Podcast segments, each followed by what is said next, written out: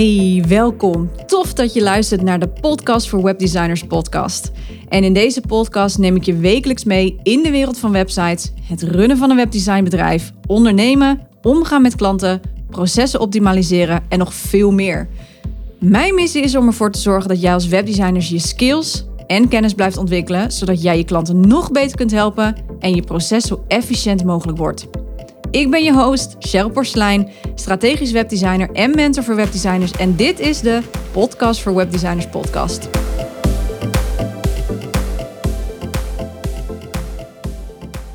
Ja, welkom bij een nieuwe aflevering van de podcast voor Webdesigners podcast. Het is weer zover. Vandaag heb ik een podcast voor je over de laatste ontwikkelingen en ja, zogenaamde trends noemen we dat nou maar voor, voor het gemak op het gebied van websites en webdesign. Ik had in 2021 ook een podcast opgenomen over webdesign trends. En ik heb daarin verteld welke dit waren. En vooral wat ik er natuurlijk van vond. Waren het blijvertjes of waren het juist trends of ontwikkelingen? Is een moeilijk woord. Ontwikkelingen die je beter kunt vermijden. En, maar ja, de webdesignwereld is een ever-evolving world. En het verandert letterlijk per dag. We zien het nu ook met AI. We zien het nu hè, met dat soort uh, dingetjes. Ja, dat gaat gewoon zo vreselijk snel. Dus ik dacht, ik ga weer even een podcast uh, voor je opnemen. Met daarin wat er ja, dit jaar of de komende tijd in ieder geval aan ontwikkelingen gaande is. En waar je op moet letten. Wat handig is en wat je beter kunt vermijden laat ik nog even terugpakken op de trends van 2021. En uh, laten we deze trends even naast. Die ga ik naast de ontwikkelingen van dit jaar uh, leggen. Wat er nu uit het onderzoek allemaal is gekomen. Mocht je overigens die van 2021 willen terugluisteren, dat is aflevering 76. En daarin vertel ik je dus uitgebreid zeg maar, wat die trends inhouden. Wat ik ervan vind en of je ze beter wel of niet kunt gebruiken. Dus vandaag heel erg kort even er doorheen. En leg ik ze even naast de ontwikkelingen die, we dus, die ik dus zie in de webdesignwereld. En en uh, ja, hoe dat overeenkomt of wat dat voor gevolgen heeft voor ons webdesigners. Want er zijn wel een aantal ontwikkelingen waar ik echt wel te spreken over ben. Daar kom ik natuurlijk zo op terug. Belangrijk bij trends en ontwikkelingen sowieso natuurlijk, maar bij trends is om te bedenken van is dit een trend die blijvend is, hè? dus gaat die blijven, of is dit een eendagsvlieg? Nou, met eendagsvliegen hoef je natuurlijk niks te doen. Dat zou ik echt gewoon lekker laten. Je website is dan wel dynamisch en, nooit af. Maar een website heeft verwerkingstijd nodig, om het zo maar even te noemen. Hè? Want je wil op een gegeven moment, als het goed is, wil je je website ook uh, kunnen meten. En als jij een website op basis van trends laat maken, dan ben je elk half jaar bezig om je website te vernieuwen. Eén is dat natuurlijk nogal een grote kostenpost. En twee betekent het dus dat je niet goed kan uittesten wat wel en niet werkt. En je kan ook niet zeg maar goed meten, omdat je zoveel aanpassingen aan het doen bent, dat je daar niet de juiste meettools op kunt zetten, omdat je gewoon niet de juiste gegevens daarvan krijgt. Omdat elke trend heeft weer een ander. Ja, een andere pijler, om het zo maar even te noemen. En die kun je gewoon niet naast elkaar leggen, omdat de ene trend de andere trend niet is. En vandaar dat ik altijd zeg: als je webdesigner bent, werk alsjeblieft niet met trends, tenzij het ontwikkelingen worden waardoor het designpatronen worden. En daar gaan we het vandaag ook uitgebreid over hebben. In 2021 eh, had ik de volgende trends besproken uit de aflevering 76. En dat was de eerste trend was de dark modus. Dus vooral voor apps. Maar uh, dark modus uh, is zeg maar dat iets zwart wordt op basis van of het licht of donker is buiten, zeg maar. Nou ja, daar ga ik straks nog even wat eh, uitgebreider over vertellen. De tweede trend was lazy loading. De derde trend uit 2021 was animaties. De vierde trend was voice. De vijfde trend was neomorphism. Ga ik zo meer over vertellen. Trend 6 is comfortabele kleuren slash minimalisme. En trend 7, dat is de laatste dan, is 3D-effecten met de trends uh, eh, 3 en 7, dus animaties en 3D-effecten, heb ik persoonlijk niets. Ik vind dat ook vaak afbreuk doen van de kwaliteit van websites. En dat heeft alles mee te maken met dat schermen, dat websites. Het werkt nog allemaal niet helemaal lekker. Zeker niet op mobiel om daar nou echt iets mee te doen. Het leidt vaak ook heel erg af. Je kan animaties natuurlijk wel op een andere manier nog gebruiken. 3D vind ik echt helemaal ruk. Maar goed, dat, is, dat vind ik persoonlijk. Ik zeg ook daarom dat je als webdesigner van deze trends moet wegblijven. Subtiele animaties kan overigens wel prima. Dus als je het hebt over uh, een animatie kan zijn dat als je over een button uh, hovert met je muis, dus niet op het klik, maar alleen zeg maar er overheen gaat, dat er dan een pijltje tevoorschijn komt. Of hè, dat, dat soort animaties, dat geeft juist weer extra toegevoegde waarde aan iets. Uh, maar animaties zoals ja, dingen laten ronddraaien, dingen uh, van links naar rechts laten schuiven. Um, op mobiel is dat gewoon minder fijn. Op desktop is dat nog wel te overzien. Alleen waar ik natuurlijk in af, uh, afgelopen afleveringen het over heb gehad, is dat je dan, als je dit te veel doet, en ook met 3D-effecten, als je dit te veel doet, krijg je cognitieve overload, noemen we dat. Waardoor ons brein zoiets heeft van: oh, ik weet echt niet meer waar ik moet kijken. Ik word aan alle kanten getriggerd. Mijn uh, reptiele brein wordt enorm overspoeld met allerlei bewegingen waar ik op moet letten of waar mijn brein op wil letten. Um, en ik kom daardoor niet toe aan mijn doel. En dat is waarom animaties en 3D-effecten heel gevaarlijk kunnen zijn als je dat niet zeg maar, goed inzet. En ik zie ook niet echt de toegevoegde waarde, tenzij het dus bijvoorbeeld op een knop is dat je ziet van hé, hey, als je nu met deze knop in gang gaat, aan de gang gaat. En er komt zo'n pijltje dat je weet van oké, ik ga er nu op klikken. Uh, ik kan er dus op klikken dat heeft een toegevoegde waarde. Maar dat zijn micro-animaties. En daar mag je best mee spelen, maar ook daarin overdrijf het niet. Dus wees daarin voorzichtig vooral. Nou, die dark modus is nog steeds wel interessant. Dat is wel een trend die doorgevoerd blijft worden. Ik zie het vooral in apps. Websites zijn daar nog niet heel erg geschikt voor, omdat we dat dus nog niet gewend zijn. Uh, maar je ziet het bijvoorbeeld wel met Google Maps. Je ziet het, ik heb een uh, app dat heet ClickUp. Die kan ik ook in dark modus zetten. En dark modus is eigenlijk gewoon ja, dat, dat ik een zwarte achtergrond krijg in plaats van een witte achtergrond. Waardoor het voor mijn uh, ogen op scherm soms um, fijner te bekijken is. En Google Maps doet dat automatisch vanaf een bepaalde tijdstip. En zodra je bijvoorbeeld uh, s'nachts of in het donker in de auto zit en jij hebt je Google Maps aanstaan, je navigatie aanstaan, dan verandert die op een gegeven moment vanzelf naar de dark modus, zodat het scherm je minder tegenlicht geeft. Want een zwart scherm of een donker scherm geeft natuurlijk veel minder blauw licht, geeft veel minder afleiding dan een uh, wit, wit scherm met veel felle kleuren.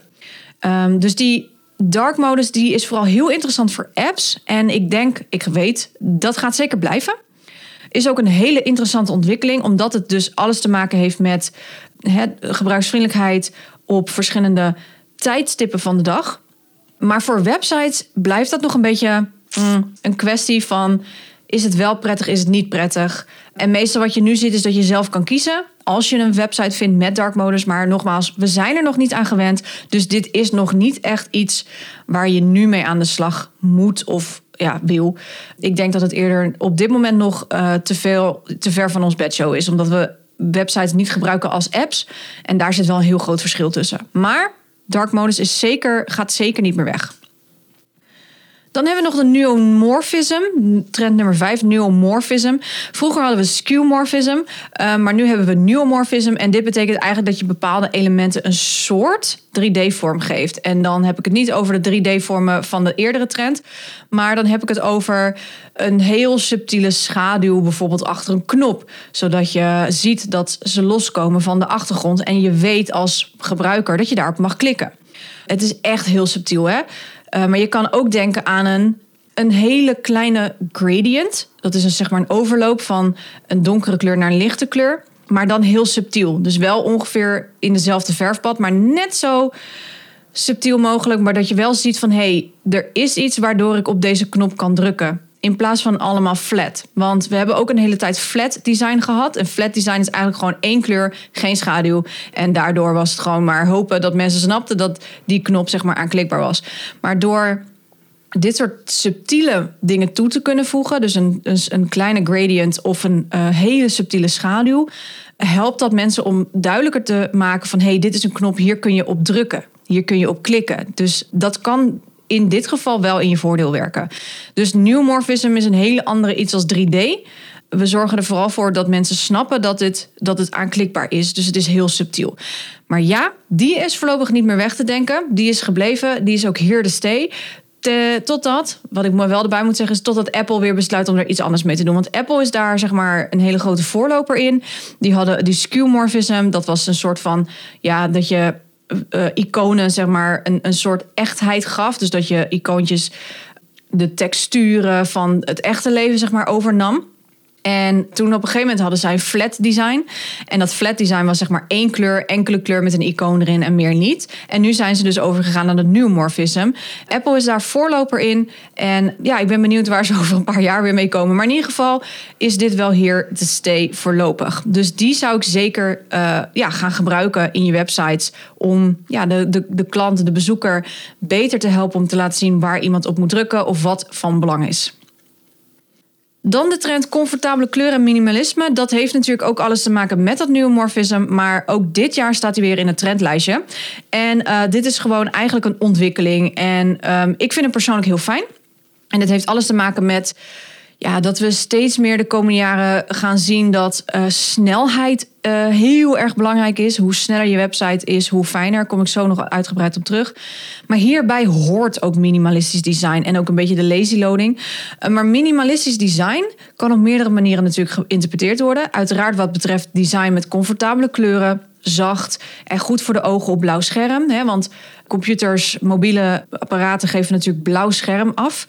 Blauw licht, moet ik zeggen. En ja, dat, daar ben ik sowieso natuurlijk voorstander van om websites voor dat soort. Ja, we zitten de hele dag op ons scherm te kijken om onze ogen iets meer zeg maar, comfortabel te laten zijn met de websites.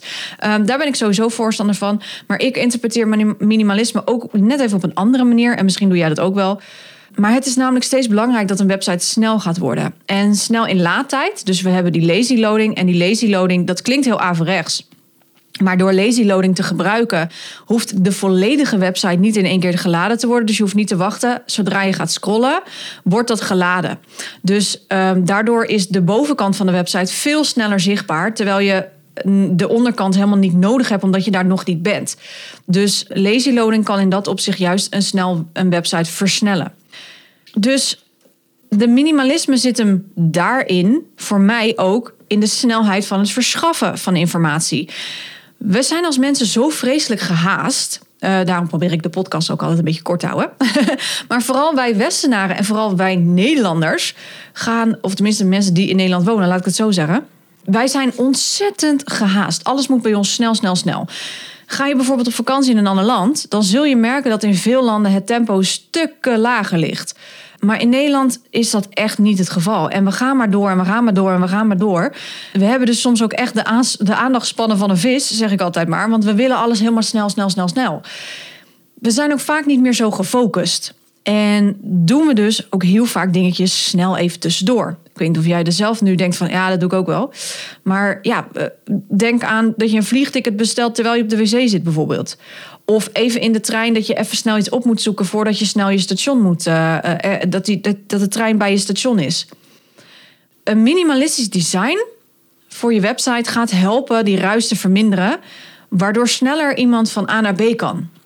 En hoe sneller iemand van A naar B kan, dus het doel van je website kan behalen, hoe fijner een bezoeker dat vindt, hoe sneller die doelen ook behaald zullen worden. Um, ik denk dat het wel een goede ontwikkeling is. Dit is echt al lang geen trend meer. Maar, want een trend is kort, hè? Maar dit gaat echt helpen om patronen te versterken. Hè, die, die wij als mensen hebben ontwikkeld. Dus minimalistisch design is, is echt gewoon. Het gaat vooral in de gebruiksvriendelijkheid en de snelheid van waar kan ik informatie vinden en hoe snel kan ik iets ergens voor inschrijven of aankopen doen. Dat gaat uh, een enorme, uh, ja, grote ontwikkeling worden. En daar zullen we ook steeds meer en meer van gaan zien. Betekent het dan dat je zandkleur of beige moet gebruiken op je website? Nee, in principe niet. Als dat niet jouw huisstijl is, hoeft dat natuurlijk niet. Waar het hier om draait met minimalisme is ja, comfortabele kleuren zijn lekker, maar het gaat erom dat je zo min mogelijk afleiding op je website hebt staan. Dus dat je echt puur en alleen maar things to the, point neerzet. Je customer journey is dus op je website met minimalistisch design zo, zo glashelder mogelijk. En men weet dus precies van jou waar ze heen moeten. Eigenlijk noem je dat een beetje conversiedesign uh, conver conversion design, dus conversiedesign. Dus je, je richt je website echt puur in op conversie, op het doel wat jij hebt uh, bepaald voor je website en meer niet. Dat betekent dus dat je veel minder knoppen waarschijnlijk zult hebben. Dat betekent dat je veel minder pagina's ook waarschijnlijk zult hebben. Dat betekent dat je veel minder, dat je geen social media op je website zet, dat je ook wat minder plaatjes misschien hebt. Dat het voornamelijk gewoon echt alleen maar straight to the point is, maar ook kortere teksten. Laten we dat niet vergeten. Dus we moeten niet denken dat we dan ineens langere teksten erop kunnen plaatsen. Alles wordt minimaal. Maar wel zo minimaal dat iemand iets kan vinden. Dus dat ze, dat ze weet wat ze kunnen verwachten. En ze dit ook nog eens in recordtijd kunnen doen. En dat is voor websites is dat steeds, wordt dat steeds, steeds, steeds belangrijker. Dus geen social media, zo min mogelijk dingen waar men van wordt afgeleid, zoals animaties. Uh, gebruik simpele vormen. Dus ga niet uh, van die, weet ik veel, sterretjes gebruiken of zo. Duidelijke lettertypes. Hè? Dus ga niet met schreeflettertypes of met sierlijke lettertypes te veel werken. Hou het clean en strak. Less is more in dit geval. En dit is een, ja, dit is een ontwikkeling die we echt die ik in ieder geval echt wel heel erg zie en waar ik ook erg wel van te spreken ben in het kader van snelheid van de websites en uh, het doel van uh, de website te kunnen behalen. Nou, naast die trend minimalisme, wat dus ook blijvend is, is de nieuwste ontwikkeling, en dat heeft ook te maken met snelheid. Uh, dat is niet zozeer een trend. Dit is echt een ontwikkeling die we al langer zien. Uh, we hebben nu Google Analytics 4. Dus wat je heel erg veel ziet, is dat men nu heel erg de websites willen optimaliseren voor snelheid.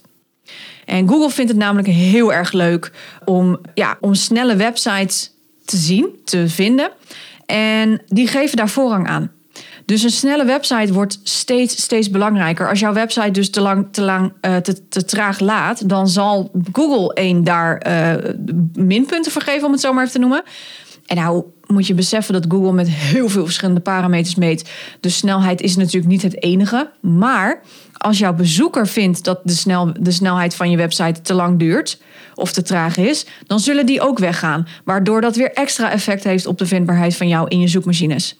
Dus dit is wel iets waar je enorm veel rekening moet houden. Of jij nou je website zelf hebt gemaakt, of dat je hem hebt laten maken door je webdesigner, of dat jij webdesigner bent en dit luistert en denkt van, oei, uh, volgens mij moet ik hier uh, het uh, een en ander mee gaan doen. Daar heb je inderdaad wat mee te doen. En als je dan kijkt naar die trends van animaties, 3D-modellen en zware afbeeldingen, whatever. Nou, zware afbeeldingen sowieso niet. Maar animaties en 3D op je website helpen daar dus niet echt mee. Want die zijn vaak zwaarder of die zorgen ervoor dat de website langer moet laden. En daarom zijn dat ook trends die niet lang zullen blijven. Dat is gewoon puur voor mensen die denken: oh, eh, we gaan het eens uittesten, lijkt me leuk. Maar dat wordt vervolgens niet goed opgepakt door het publiek. En een website die ja, dat een mega snelle laadtijd heeft, is geen trend meer. Dat is gewoon een must. en dit is weer uh, iets waar we echt al langere tijd mee bezig zijn. Ook hostingpartijen proberen hierin mee te komen. Maar goed, niet elke partij is even succesvol hierin. En daarom zeg ik hier ook bij, als jij webdesigner bent en je hoort dit, je luistert dit, wees daarom alsjeblieft heel kritisch met jouw hosting. Uh, zorg ervoor dat de klanten van je website, dat de, de website van je klanten, moet ik zeggen, zo snel mogelijk laden. En dat kun je door testen natuurlijk, door je website te laten scannen, zoals een tool te gebruiken zoals uh, PageSpeed. Dat is van Google zelf. Of een uh, abonnement nemen op G-Metrics, G-Metrics. Um, dan kun je ook zeg maar scannen voor in Nederland. Als je de gratis versie gebruikt van G-Metrics, dan zie je alleen maar laadtijden vanuit het buitenland. Maar je wil ook in het Nederland uh, kunnen meten. Dus uh, daar heb je een betaalde abonnement voor nodig. Maar het gaat je wel heel veel opleveren. En hiermee kun je dus een scan maken en krijg je precies te zien waar de website geoptimaliseerd moet worden om die snelheid te verhogen, om die laadtijd te verlagen. Dus dat is heel belangrijk voor jou als webdesigner om daar bewust mee om te gaan. Om ook als jij websites gaat bouwen, om dat in je achterhoofd te houden van hé, hey, als ik dit en dit doe, hoeveel effect heeft het dan op de laadsnelheid? En als ik zo en sowieso doe, hoeveel kan ik dan winnen in laadsnelheid? Dus dat is er eentje voor jou die je echt, echt mag gaan gebruiken. En die we ook zeker veel meer, veel meer terug gaan zien. Nou, als laatste heb ik nog wel een hele interessante ontwikkeling. Ook dit mag ik geen trend noemen, want dit is namelijk iets waar de overheid zich mee gaat bemoeien. Nou ja, en dan is het dus geen trend. Dit wordt eigenlijk een verplichting. Let op, er zit een kanttekening aan hoor, dus no worries. Maar dat is dat alle websites moet voor iedereen toegankelijk zijn. En dan gaan we het hebben over inclusive en accessible design. Dat gaat namelijk straks vallen, dat alle websites voor iedereen toegankelijk moeten zijn. Dat gaat vallen onder de wet European Accessibility Act. Dus er is daar gewoon serieus een wet voor. Die gaat in, uh, op 28 juni 2025 gaat die in.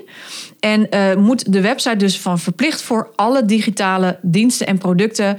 Uh, moet dus een website verplicht toegankelijk kunnen zijn... voor elke doelgroep die we hebben. En dat is nogal wat. En dat gaat zeker wel het verschil maken tussen een gewone website en een uitstekende website. Dus als jij eruit wil springen, zorg ervoor dus dat je van dit soort ontwikkelingen op de hoogte blijft en op de hoogte bent. Nou, wat houdt dat in voor ons webdesigners? Inclusiviteit is mega belangrijk. En daar ben ik zelf ook maar een tijdje in aan het verdiepen. Uh, want het is iets wat ik in 2021 al begon te zien. En het is een movement, if you will. Ik zie het uh, bij mijn collega's overseas, in de USA vooral, in de webdesignbranche. Oké, okay, begint daar nu goed mee, maar uh, we lopen nog echt wel, echt wel achter.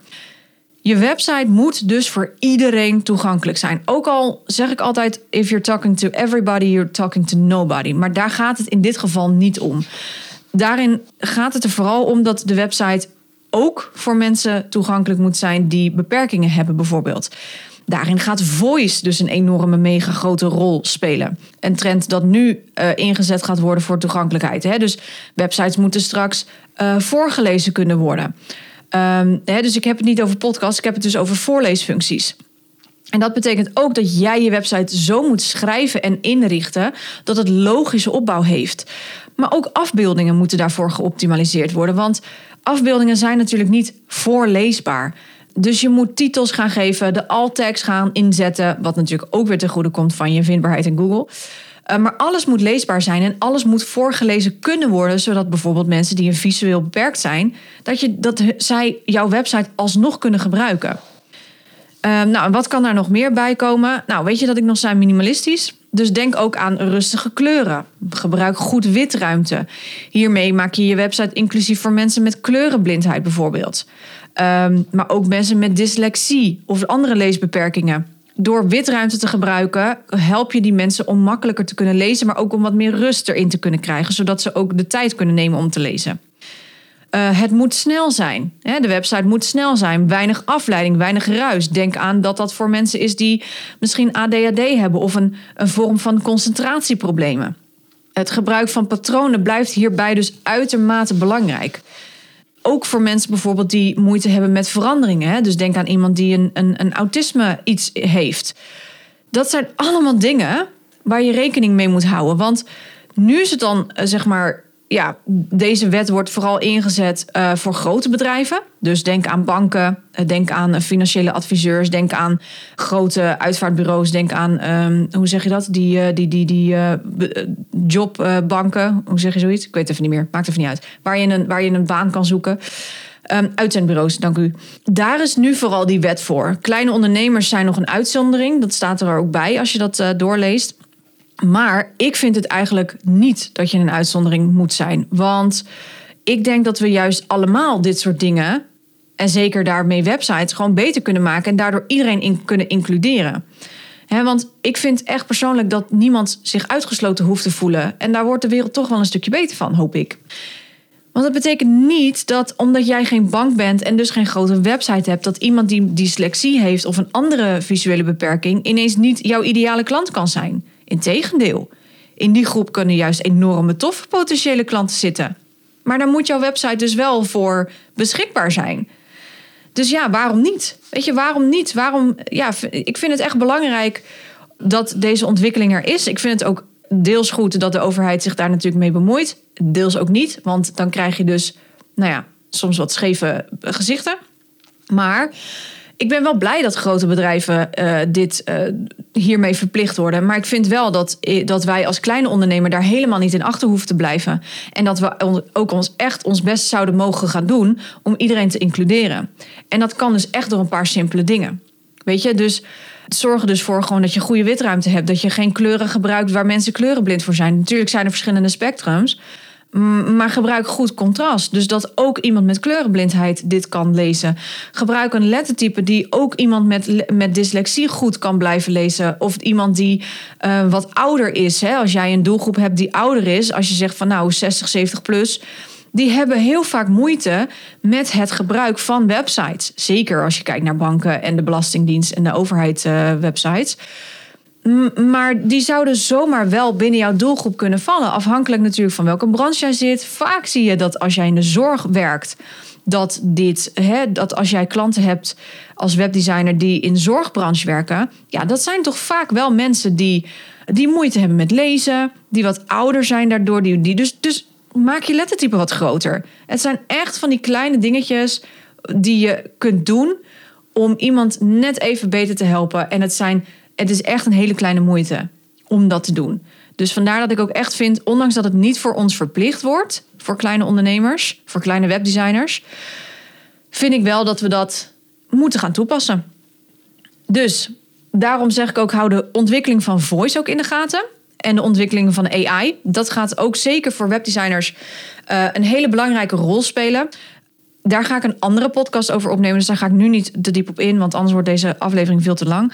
Maar als webdesigner wil ik nog even meegeven, is dat het zo belangrijk is om op de hoogte te blijven van dit soort ontwikkelingen, van dit soort um, nou ja, trends wil ik het dus niet noemen maar wel van de, de snelheid waarmee dit gedaan wordt. Uh, en dat je dus zelfs ook krijgt dat de overheid met bepaalde dingen gaat bemoeien. Net zoals de dark patterns, waar ik het ook vaak over heb gehad.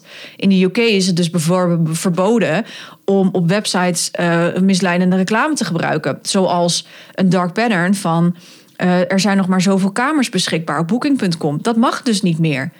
En ik denk dat we ook al zijn wij als kleine ondernemers zullen we daar niet zo snel in opvallen als we dat doen. Ik ben wel van mening dat het beter wordt als we dat uit onszelf gewoon gaan doen.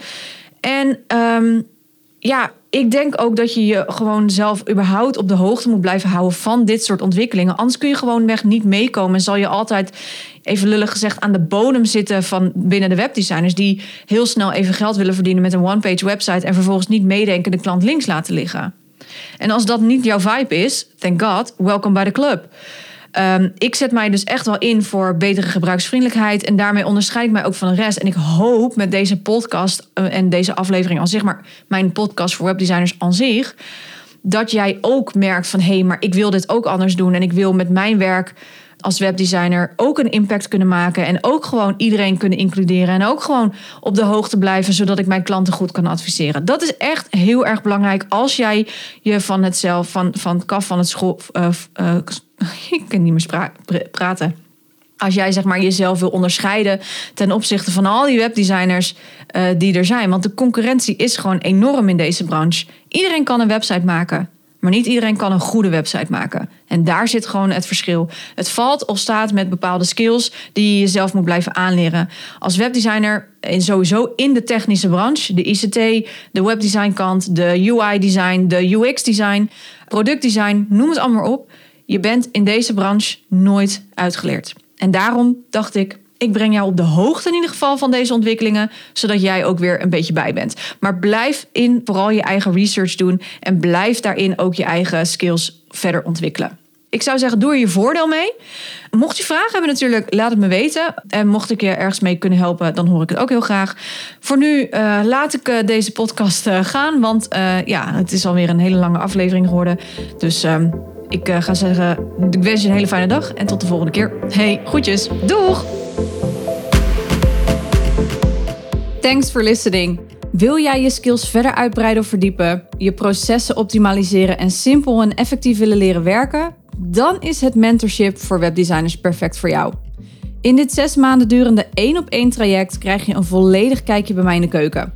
Ik ga samen met jou diep op de materie in op de onderdelen waar jij op vastloopt. Denk aan proces, goed feedback leren ontvangen, hoe je bepaalde designkeuzes maakt op basis van die informatie die je ontvangt maar ook hoe jij je klanten nog beter kunt helpen met bijvoorbeeld het schrijven van goede teksten, hoe jij je adviesrol kunt inzetten en hoe je lange termijn trajecten kunt aangaan. Nou, dit allemaal doe ik op basis van mijn eigen webdesign procesformule die uit vijf fases bestaat en dat is research, design, build, launch en grow. Wil jij weten of dit traject perfect is voor jou? Let's talk about it. Plan direct een afspraak in via mijn digitale agenda op www.cprecision.nl/mentorship voor een vrijblijvend intakegesprek.